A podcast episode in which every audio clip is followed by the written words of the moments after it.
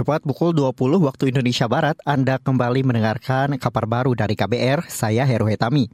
Saudara, pemerintah kini tengah memfinalisasi pembentukan panitia seleksi pimpinan Komisi Pemberantasan Korupsi (KPK). Menteri Sekretaris Negara Pratikno menjelaskan pansel KPK diharapkan sudah mulai bekerja sebelum pertengahan Juni. Jadi sesuai Undang-Undang KPK, itu masa jabatan pimpinan KPK adalah 4 tahun. Artinya pimpinan KPK sekarang masa jabatannya akan berakhir nanti eh, pada tanggal 20 Desember 2023 karena dulu pelantikannya anu 4 tahun yang lalu adalah 20 Desember. Mensesnek Pratikno menambahkan waktu enam bulan lebih dari cukup untuk melaksanakan pemilihan pimpinan KPK. Sesuai Undang-Undang KPK, prosesnya diawali dengan pembentukan panitia seleksi oleh Presiden.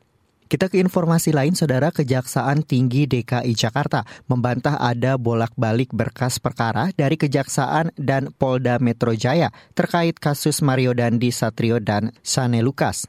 Menurut Asisten Tindak Pidana Umum Kejati DKI Jakarta, Danang Suryo, proses penyidikan masih sesuai aturan dan perundang-undangan. Berkas perkara hanya kami terbitkan satu kali P18 P19.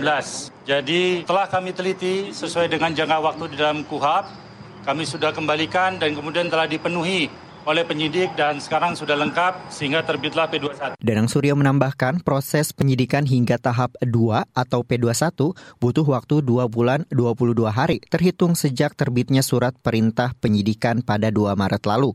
Sebelumnya berkas perkara Mario Dandi dilimpahkan ke Kejaksaan Tinggi DKI. Padahal berkas Mario Dandi dan Shane Lucas dalam kasus penganiayaan terhadap DO sudah disampaikan ke jaksa pada 10 Mei lalu. Kita ke informasi olahraga, Saudara Ketua Umum PSSI Erick Thohir mengajak semua pihak untuk menjadikan timnas Garuda bisa meraih prestasi lebih tinggi. Karena itu menurut Erick, timnas Garuda harus terus diperbaiki. Salah satunya dengan rutin melakukan pertandingan persahabatan sesuai regulasi FIFA atau FIFA Match Day di tahun ini dan tahun depan kita benar-benar mempersiapkan tim nasional kita untuk FIFA Match Day. Bahkan sudah ada kesepakatan oleh klub-klub liga di Indonesia mereka akan mendukung penuh persiapan tim nasional karena memang salah satu tugasnya PSSI itu mempersiapkan tim nasional.